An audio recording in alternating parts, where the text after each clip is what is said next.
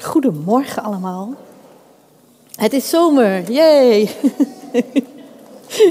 nee hoor, ik zal niet zo cynisch doen, maar het voelde soms een beetje meer als herfst dan zomer. Wie is het met me eens? nou, we hebben hele mooie dagen gehad in Nederland, toch? Ook. En vandaag is er weer zo één. Dus ik ben heel blij.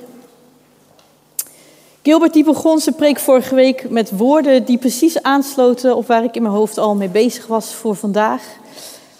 En wie aangesloten die zijn bij YouVersion of Daily Devotional, die hebben er meer over gelezen. Het ging over de vredestichters en dat die vredestichters niet per se de bemiddelaars of de sussers zijn van anderen die geen vrede met elkaar lijken te hebben, maar dat dit vooral te maken heeft met vrede hebben in jezelf. Een vrede die boven gelijk krijgen uitgaat die boven oneerlijkheid uitgaat. En de tekst die daarna komt en voor vandaag aan de beurt is, die is dan ook een beetje een verlengde daarvan.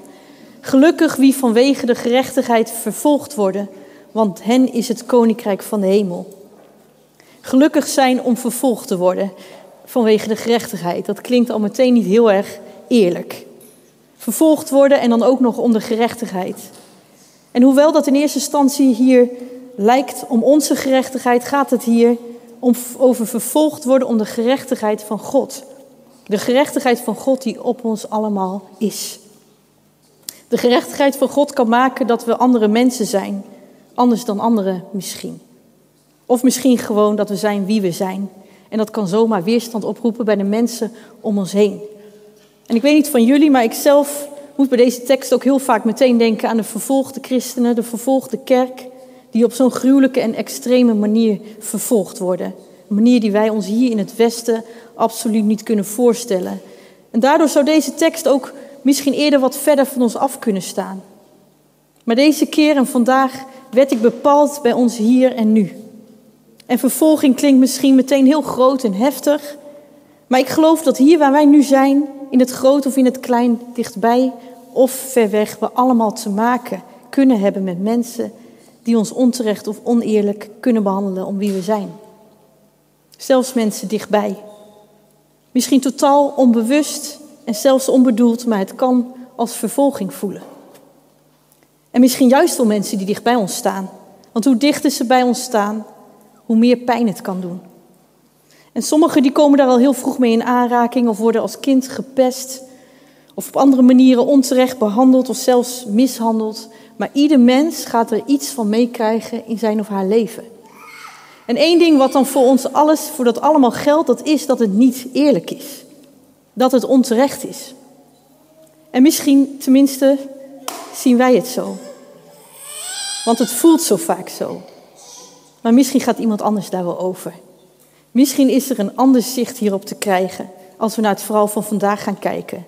Want dat vooral dat gaat over iemand die heel goed wist wat het is om onterecht te worden behandeld door de mensen om hem heen. Het gaat over Jozef. Over hem wil ik het vandaag hebben. Als er iemand was die met vervolging te maken had, dan was hij het wel. Maar Jozef die had een geheim. Aan hem zien we dat het anders kan. Blijkbaar is er een keuze, eerlijk of niet.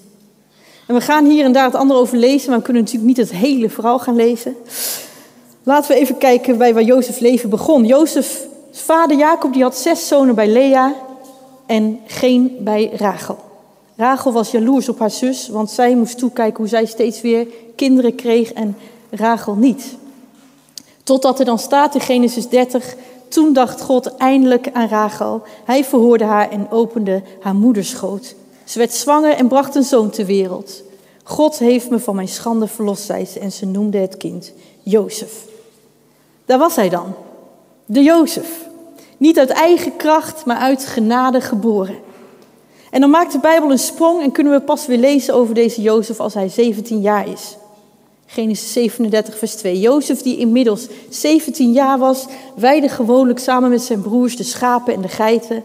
Hij hielp de zonen van zijn vaders vrouwen, Bilha en Silpa. En de kwade geruchten die over zijn broers de ronde deden, vertelde hij aan hun vader door omdat Israël al oud was toen Jozef werd geboren, hield hij meer van Jozef dan van zijn andere zonen. En hij had een prachtig bovenkleed voor hem laten maken in allerlei kleuren. De broers zagen wel dat hun vader het meest van Jozef hield. Daarom konden ze Jozef niet uitstaan en hadden geen goed woord meer voor hem over. En hier begint het dan. Hier begint het leed in het leven van Jozef. Hier begint het onrecht. Op het moment dat Jozef de mantel van zijn vader Jacob krijgt, op het moment dat Jozef een zichtbare gunst op zijn leven krijgt, namelijk de veelkleurige mantel, op het moment dat de broers letterlijk zien dat de gunst en gerechtigheid van zijn vader op Jozef gelegd wordt, komt de haat van de broers naar buiten. Dit is het moment dat er afwijzing, haat en verachting op Jozefs pad komt. Tenminste, nu pas lezen we hierover. Er zullen vast jaren aan vooraf gegaan zijn. Zoals we net al lazen, was Jozef de enige zoon van Rachel. Hij was het grote wonder van Rachel en Jacobs leven. Want er waren vele zoons en een dochter geboren, maar die waren van Lea of andere slavinnen, omdat Rachel geen kinderen kon krijgen. Tot de dag dat God haar verhoorde en haar moederschoot opende. Dus dit was voor beide een heel speciaal cadeau. En ze zouden daarna nog een zoon Benjamin krijgen, die ook een heel speciaal plekje had. Maar hoe het ook zij, Jozef was door al deze dingen het lievelingetje van zijn vader, Jacob. Niet wat zou moeten horen misschien, maar ergens ook wel te begrijpen als je deze context leest. En dat was vast al die jaren al heel duidelijk geweest in dit gezin en bij alle broers. En dat moet ook niet heel erg fijn voor deze broers gevoeld hebben. Het idee dat wat je ook doet en hoe je ook je best doet, de liefde net altijd even iets meer dan die, naar die ander gaat. En dat de ander net even iets specialer wordt behandeld dan jij. Het zal voor veel van hen heel pijnlijk zijn geweest. En als je dan daaraan denkt, dan lijkt het Jozef hier misschien beter uit voor te komen. Maar ook dat weet ik niet zo.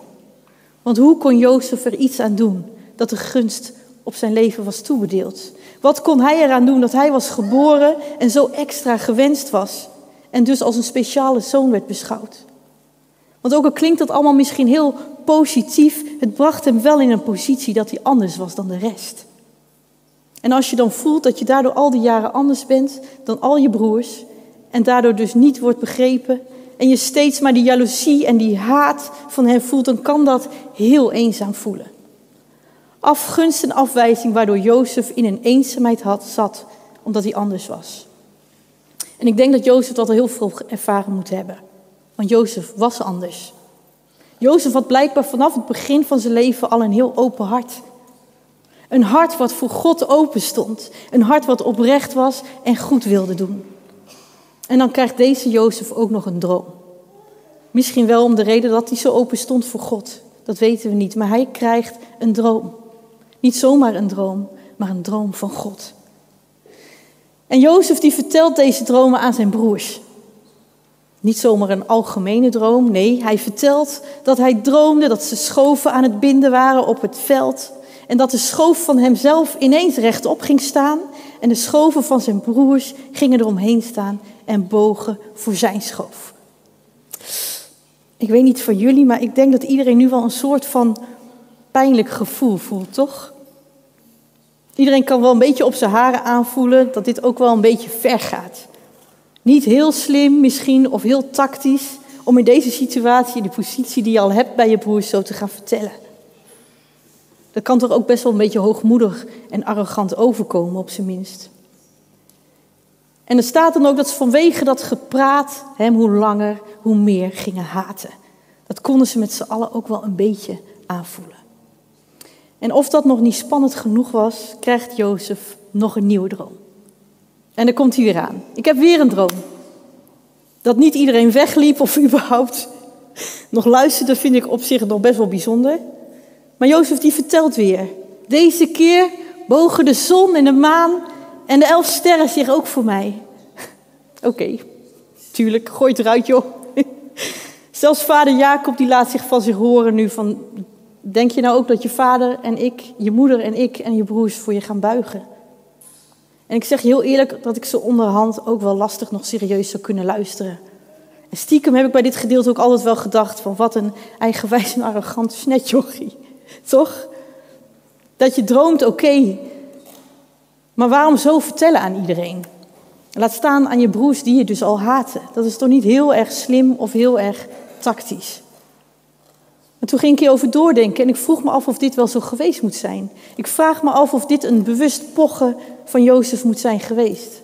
ook al had Jozef misschien best wel reden om erkenning bij zijn broers te krijgen, door de afgunst die hij al die jaren had gevoeld, vraag ik me af of het daaruit voortkwam.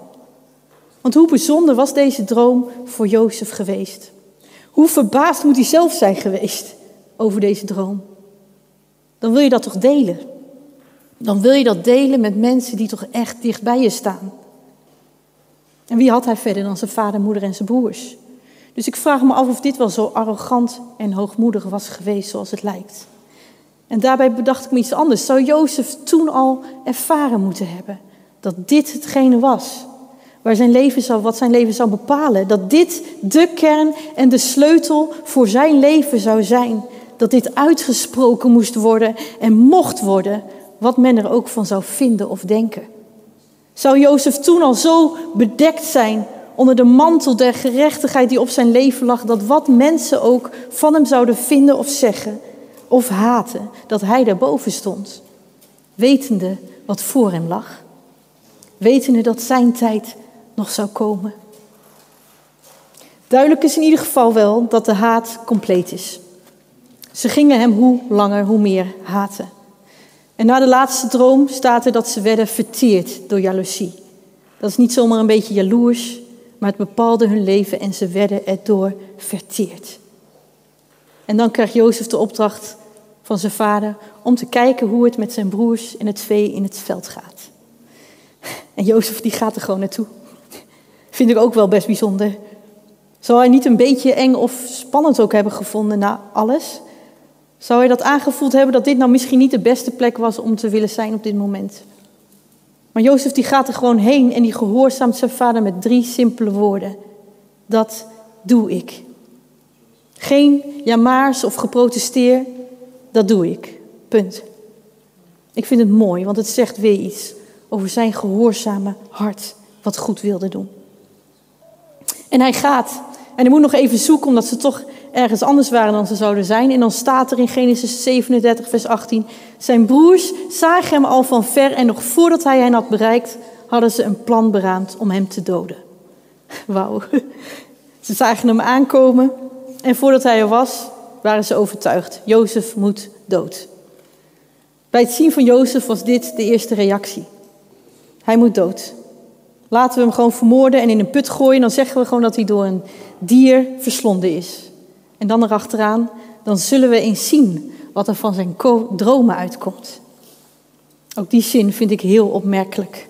Daar komt de aap uit de mouw. Die dromen, die dromen, die waren het ergste. Dat mocht en dat zou niet gebeuren. Daar moest een stokje voor gestoken worden. En Ruben, de oudste broer, die zich misschien toch wat verantwoordelijker voelt, die probeert het dan nog een beetje te redden en minder erg te maken. En die zegt dan dat ze hem helemaal niet moeten doden, want we mogen geen bloed vergieten. Dus laten we hem dan maar gewoon in die put gooien. In de hoop dat hij dus Jozef later kon redden en naar zijn vader kon brengen. En dan komen we hier bij vers 23. Zodra Jozef bij zijn broers was gekomen, trokken ze hem zijn bovenkleed uit, dat veelkleurige gewaad, en ze gooiden hem in de put. De put was leeg, er stond geen water in. Daarna gingen ze zitten eten. Jozef komt bij zijn broers. Ze trekken hem meteen zijn mantel uit. Deze veelkleurige mantel die Jozef had gekregen van zijn vader. Het zichtbare teken van de gunst en gerechtigheid die op Jozefs leven was. Ze roppen het van zijn lijf. De eerste trigger van hun haat en jaloezie naar Jozef, het moet weg. En ze gooien hem dan in die put. En dan staat er dat de put leeg was zonder water, dus het zal geen fijne val geweest zijn. De put waar Jozef in gegooid werd was een oude waterput die droog stond. En zulke putten die waren diep en de wanden ervan waren stel. Dus eruit klimmen was geen optie. In de duisternis en benauwdheid en eenzaamheid, daar zat Jozef dan. Maar het ergst zal de afwijzing geweest zijn. Want de zin die dan komt, vind ik wel het meest lomp en pijnlijk. Daarna gingen ze eten. Serieus? Hoe een hap door je keel krijgen na zoiets? Alsof er niks gebeurd was. Even lekker met z'n allen een mekkie pakken. Even onze broer verwijderen en door. Zo koud geworden door de verbittering die ze in hun leven hadden toegelaten, dat ze dit blijkbaar nauwelijks voelden. Maar dan komt er een karavaan voorbij. Geen idee hoeveel later dat moet zijn geweest. Misschien één of twee uur later, misschien pas in de avond. Maar Jozef had daar in die put gezeten, niet wetende voor hoe lang. Niet wetende of hij daar misschien wel zou sterven. Zoiets dat gaat heel snel van binnen. En dan kan je al letterlijk paniek en zoveel onzekerheid geven met het gevoel van die enorme afwijzing. Maar dan komt Juda op het idee om Jozef aan de Israëlieten te verkopen. Hij is tenslotte onze eigen broer, ons eigen vlees en bloed. Toch nog één broer met gevoel. Gelukkig. En dat doen ze. Ze trekken Jozef uit de put en ze verkopen hem voor 20 shekel, staat er. Het staat er ook zomaar weer in één zin. Maar wat zal dit allemaal gedaan hebben bij Jozef? Wat was dit ook weer voor vernederend? En eenmaal in Egypte komt Jozef in het huis van Potifar terecht, een hele belangrijke man aan het hof van de farao. En we zien daar hoe de dingen in het leven van Jozef een keer krijgen. Want we lezen dan in Genesis dat de Heer Jozef terzijde stond, zodat hij in alles slaagde. Hij werkte in het huis van zijn Egyptische meester. De Heer stond hem terzijde. En we lezen heel veel in dat gedeelte dat God aan Jozefs zijde staat en dat daardoor alles goed met hem gaat. En al snel vertrouwt Potifars Jozef zelfs zijn huis toe. Wauw. Na alle ellende zegent de Heer Jozef op zo'n bijzondere manier. Geweldig, wat een zegen voor Jozef. Eindgoed, al goed zouden we zeggen. En tot hier kunnen we het nog wel redelijk wegzetten. Ja, het was wel heel zwaar en heel pijnlijk geweest, maar God had het nu allemaal ten goede gekeerd. En Jozef was op een schitterende manier nu gezegend. Maar dan gaat het toch weer mis. Want Jozef was knap en aantrekkelijk, staat er. En dat zag Potifars vrouw ook. En daar liet ze het niet alleen bij. Maar daar wilde ze iets mee.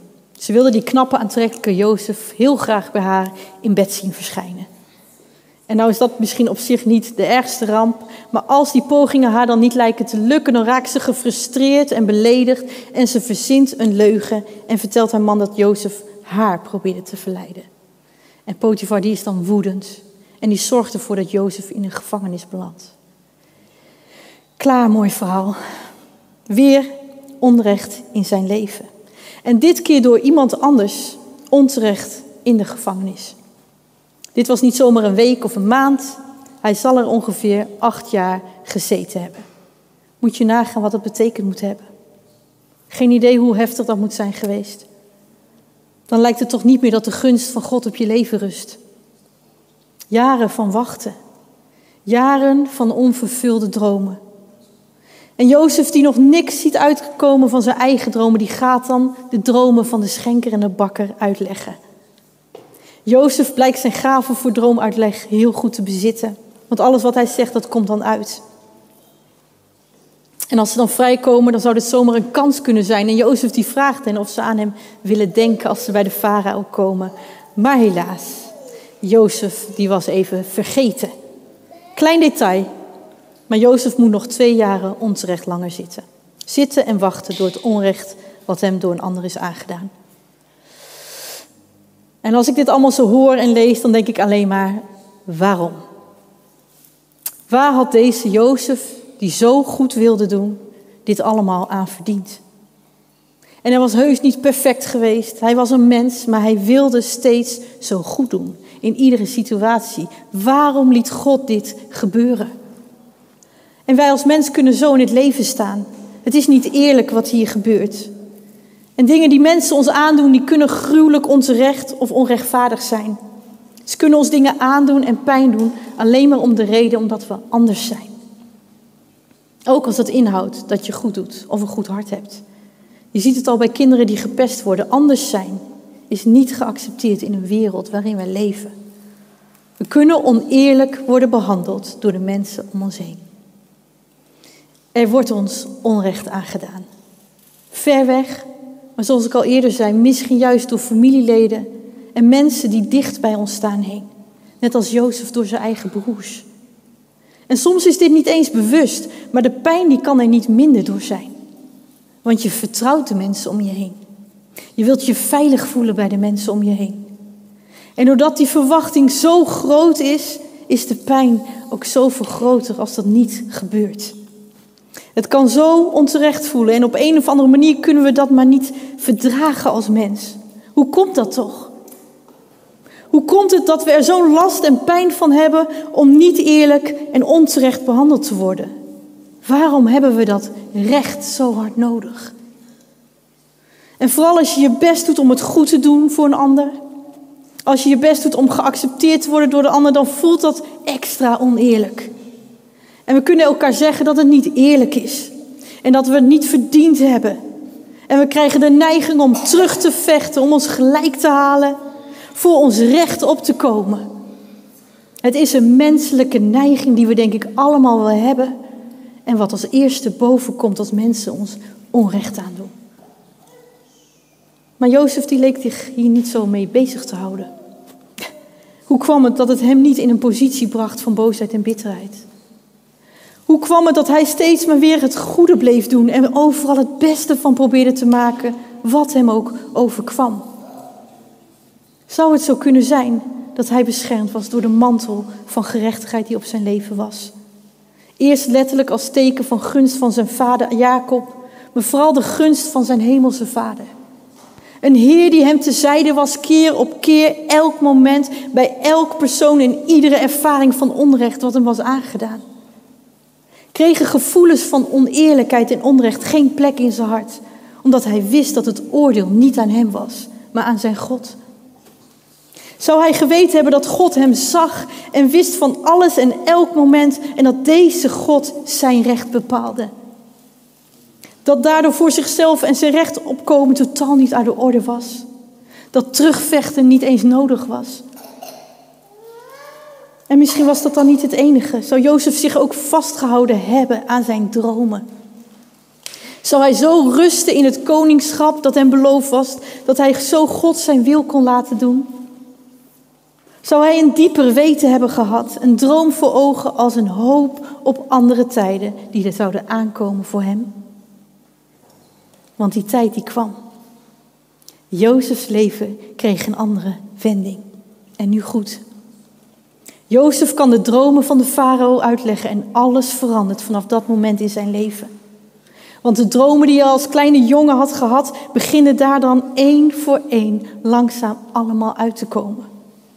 En de Jozef die bijna zijn hele leven onterecht was behandeld door de mensen om hem heen, die kwam vanuit de pus, put terecht in een paleis. Nu was het zijn tijd.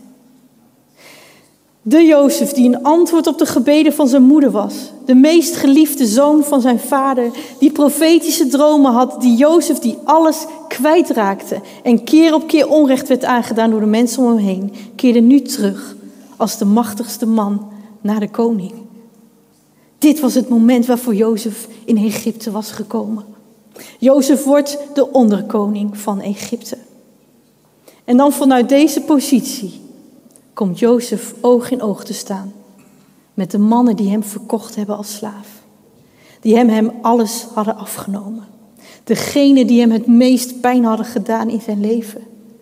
Degene waar hij zoveel recht op had om boos op te zijn, om wraak op te nemen, om nooit meer te willen zien. Jozef staat recht voor zijn broers. En ze herkennen hem niet. En we lezen in dit gedeelte dat Jozef meerdere keren moet weglopen van hen, omdat hij zijn tranen niet kan bedwingen. En de enige keren dat we lezen dat Jozef zijn emoties uit, is ook in dit gedeelte. Jozef die huilt en huilt om wat hij hoort en ziet. Dat zegt genoeg over deze ontmoeting en wat dat bij Jozef teweeg moet hebben gebracht. En dan staat er op een gegeven moment dat Jozef weer in tranen uitbarst en zo hard huilt dat iedereen het kan horen tot in het paleis van de farao.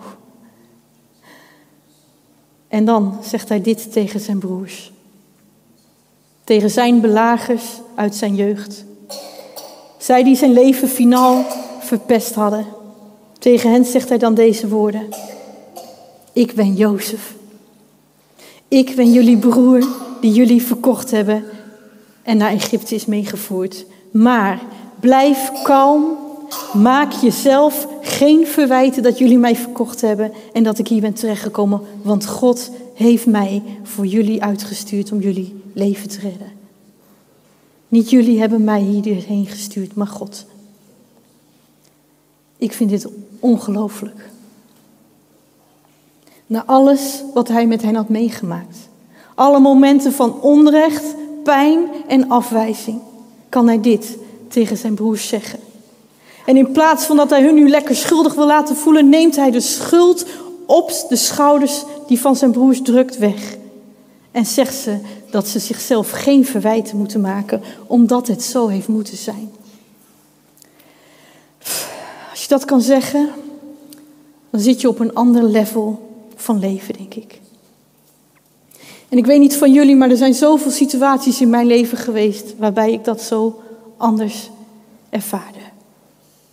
Ik zal je zeggen dat ik altijd wel iemand ben geweest die het heel graag zoveel mogelijk mensen naar de zin wil maken. En dan klinkt dat misschien heel loyaal en liefdevol. Maar dat is helaas niet de achterliggende reden. Want die draait gewoon om mezelf. Ik wil heel graag dat mensen me aardig vinden. En daardoor ga ik mezelf zoveel mogelijk aanpassen en daar zo keihard mijn best voor doen. Zo hard, zodat niemand nooit iets onaardigs over mij kan zeggen of doen. Ik doe zoveel mijn best dat het mensen me zo min mogelijk pijn kunnen doen. Maar ik ben er door vallen en opstaan achter gekomen dat dat niet kan. Dat wat je ook doet en hoe je ook bent en hoe leuk, goed of aantrekkelijk je ook zou willen zijn, en mensen in je leven komen en gaan die je afwijzen en pijn doen. En dat ik dat dus niet kan voorkomen. En weet je, ik haat dat. Ik kan daar niet meer over weg. Want ik wil goed en speciaal gevonden worden. En ik zal jullie eerlijk zeggen dat toen ik met deze overdenking bezig was, dat ik mega veel weerstand heb gevoeld. waarschijnlijk om dezelfde gedachte. Dat deze preek niet goed genoeg zou zijn. En ik nooit zo genoeg zal zijn en dat ik dus ook niet iedereen ermee kan pleasen. En dat is logisch en het is normaal, maar ik kan het niet uitstaan. Het kwam maar niet van de grond. Ik heb vrijdag nog de laatste dingen pas, de eerste dingen op papier gezet. Want ik wil dat iedereen het goed vindt. En heel eigenlijk wil ik dat iedereen mij goed vindt. Het gaat eigenlijk om mij. Omdat ik niet afgewezen wil worden. Omdat ik maar wil strijden tegen de pijn en dat gevoel van afwijzing dat ik niet goed genoeg ben. En zo vaak heb ik aan God gevraagd als mensen ver weg of dichtbij me pijn deden, waar heb ik dit aan verdiend? Waarom? Het is toch niet eerlijk wat degene mij aandoet? En ik wilde terugvechten, terugvechten voor mijn recht. Want zonder dat recht ben ik zo bang dat er niks van me overblijft. Maar door Jozef vandaag zie ik zo het tegenovergestelde. Jozef had een geheim waar ik van kan leren. Jozef wist waar hij terecht zou komen door een God die plannen voor een hoopvolle toekomst voor hem had. Jozef wist dat als hij alleen maar het goede zou doen, de wil van zijn God zou doen, dat zijn God de rest deed. Jozef wist dat hij niet onterecht behandeld kon worden, omdat hij zelf geen recht had, maar God hem recht deed. Jozef wist dat hij het al waard was. Hij wist dat hij het al waard was omdat hij de veelkleurige mantel van zijn vader kreeg. Hij wist dat hij het al waard was toen hij de bijzondere dromen van God over zijn leven kreeg. Hij wist dat hij het al waard was toen de broers hem bespotten en haten daarom. Hij wist dat hij het al waard was toen ze hem wilden vermoorden en in een put smeten en daarna lekker samen gingen eten. Hij wist zelfs dat hij het al waard was toen hij voor twintig shekels verkocht werd als slaaf. Hij wist dat hij het al waard was toen hij wederom onterecht werd beschuldigd door een vrouw van Potifar en weer in de gevangenis belandde. Hij wist dat hij het waard was toen ze hem waren vergeten te noemen bij de farao. Jozef wist dat hij het al waard was, omdat de Heer hem terzijde stond, keer op keer op keer. En hij al het gevoel van oneerlijkheid en onrecht aan God durfde te geven. Wetende dat zijn wil en zijn oordeel het beste zou zijn. En dat hij de enige was die hem recht zou kunnen verschaffen. En vandaag wil ik jou zeggen, jij hebt de veelkleurige mantel van gerechtigheid van jouw vader gekregen. En daarmee heb jij jouw waardigheid gekregen. Jij bent het al waard. Niet omdat je voor jezelf bent opgekomen. Niet omdat je gevochten hebt tot je gelijk kreeg en erbij neerviel. Niet eens omdat je zelf, net als Jozef, altijd goed wilde doen. Je bent het al waard omdat jij gekocht en betaald bent met het kostbare bloed van Jezus. Hij heeft voor jou gevochten. Hij heeft voor jou de overwinning behaald. En er kan niets tegenop. Dat kan geen mens ongedaan maken. Mensen kunnen je dromen proberen kapot te maken. Mensen kunnen jou proberen kapot te maken. Mensen kunnen je waardigheid lijken af te nemen. Maar geen mens in jouw leven heeft het laatste woord. Geen mens kan bepalen hoe jouw leven zal lopen. God bepaalt. God is degene die recht zal doen. Als jij je compleet durft over te geven aan zijn wil. Als jij je rechten durft op te geven en aan hem durft over te geven. Als je je gevoelens van oneerlijkheid, die misschien volkomen terecht zijn, als jij ze aan hem durft te geven. Als je je boosheid en pijn erover aan hem durft te geven. Als je degene die jou zoveel pijn en onrecht heeft gedaan, aan zijn oordeel durft te geven. Dan kan hij jouw weg bepalen. En dat is soms een moeilijke weg. Een weg waarin het lijkt dat, dat je soms terug bent bij af. Dat je moet wachten. Dat je twijfelt of hij nog wel bij je is. Maar weet dat jouw tijd gaat komen. Weet dat die dag zal aanbreken. Dat je net als Jozef op een bestemmingsplek of positie zal komen waar je misschien altijd van gedroomd hebt, maar nooit hebt durven hopen. En dat je zelfs degene die jou het meest pijn gedaan hebben, zal kunnen vergeven. Dat je zelfs kan zeggen als Jozef dat vanwege die oneerlijkheid en die pijn jij gekomen bent waar je nu gekomen bent. Omdat Gods wil is uitgekomen. Omdat God het zo bepaald heeft. Ik heb gevraagd of Priscilla een lied wil zingen wat hierover gaat. Weer komen. Ik wil vragen of je daar zo naar wil luisteren en de woorden op je in wil laten werken. De bridge van het nummer zegt: I know you hear me. I know you see me.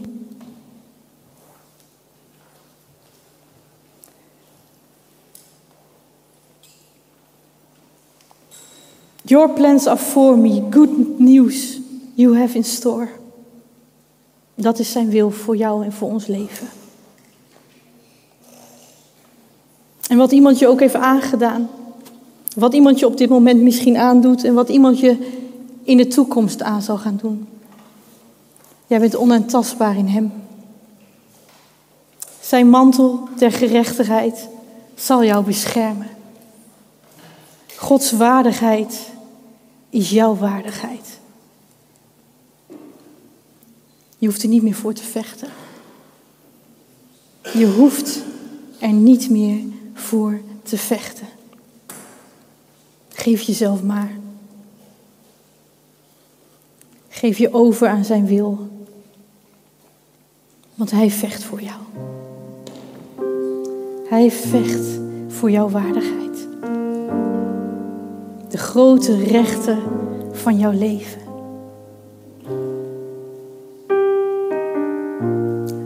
Durf je het aan hem toe te vertrouwen.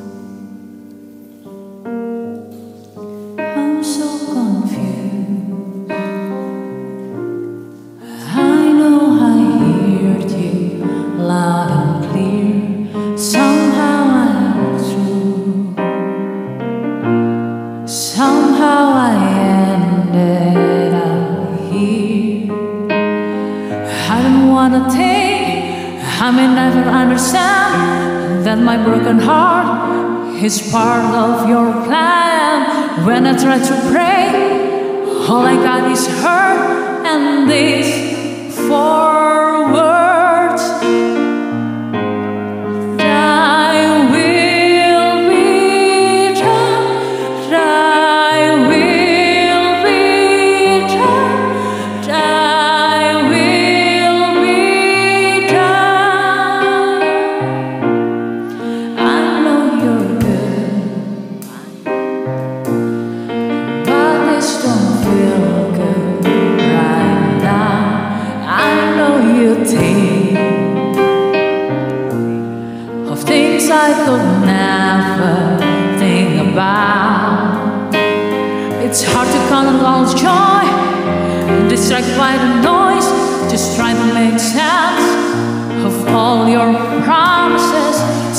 Sometimes gotta stop, remember that you are God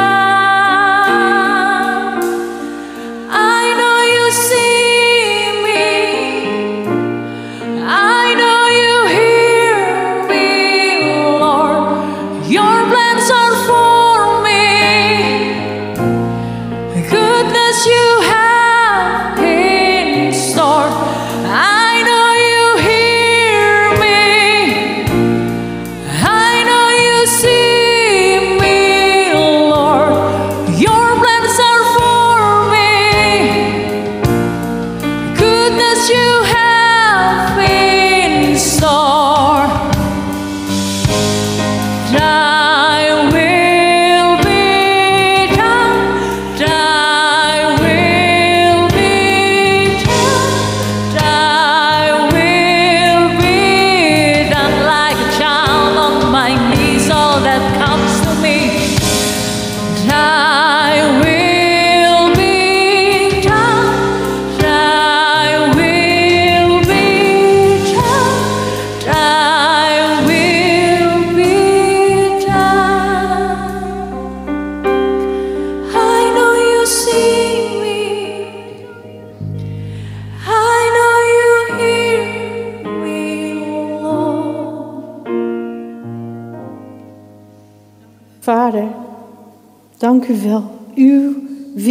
geschieden. Als uw wil geschieden over ons leven, dan kan het niet anders dat we nooit beschaamd uitkomen. Als we uw wil doen, Heer, en proberen keer op keer goed te doen, dan kunnen mensen ons pijn doen. Dan kunnen mensen onze dromen willen afpakken. Dan kan het lijken dat onze toekomst bepaald is door wat mensen ons aandoen. Maar u bent de God die boven alles staat. U bent de God die het laatste woord heeft. U bent de God die bepaalt. En we geven ons over aan u, die God. En ik bid dat u genezing geeft van pijn hier op dit moment. Van mensen die dit hebben ervaren in hun leven. Dat u genezing geeft. Wat de onrecht er aangedaan kan worden. Welke wonden het zal hebben achtergelaten. Waardoor levens misschien anders zijn lijken te lopen dan dat ze zijn gelopen. Heer, ik bid dat u komt in die pijn. In dat gevoel van verdriet, van eenzaamheid. Dat gevoel van onrecht wat we misschien wel jaren met ons mee hebben gedragen.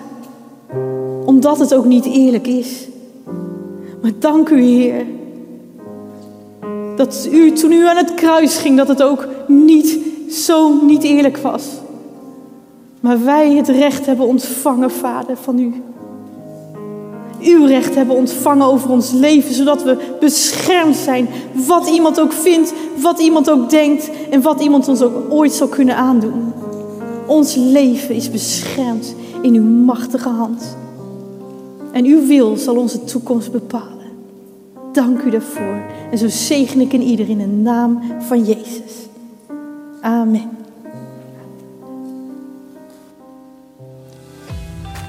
Hey Gilbert hier, bedankt dat je hebt geluisterd naar de podcast van Reconnect Community Church. Ik hoop en bid dat je er niet alleen door bent bemoedigd of geïnspireerd, maar dat deze uitzending jou ook weer meer heeft mogen wijzen naar Jezus en zijn liefde, genade en trouw voor jou en voor mij. En als jij, net als wij, ook enthousiast bent over deze podcast, dan kan je ons helpen door je te abonneren op ons kanaal en deze overdenking te delen met vrienden en bekenden. Mocht je ons ook financieel willen ondersteunen, dan kan dat via reconnect.cc/geven. Je helpt ons dan om dit te blijven doen, zodat wij mede dankzij jouw steun mensen kunnen blijven bereiken met het goede nieuws van Jezus. Bedankt voor je betrokkenheid en je support.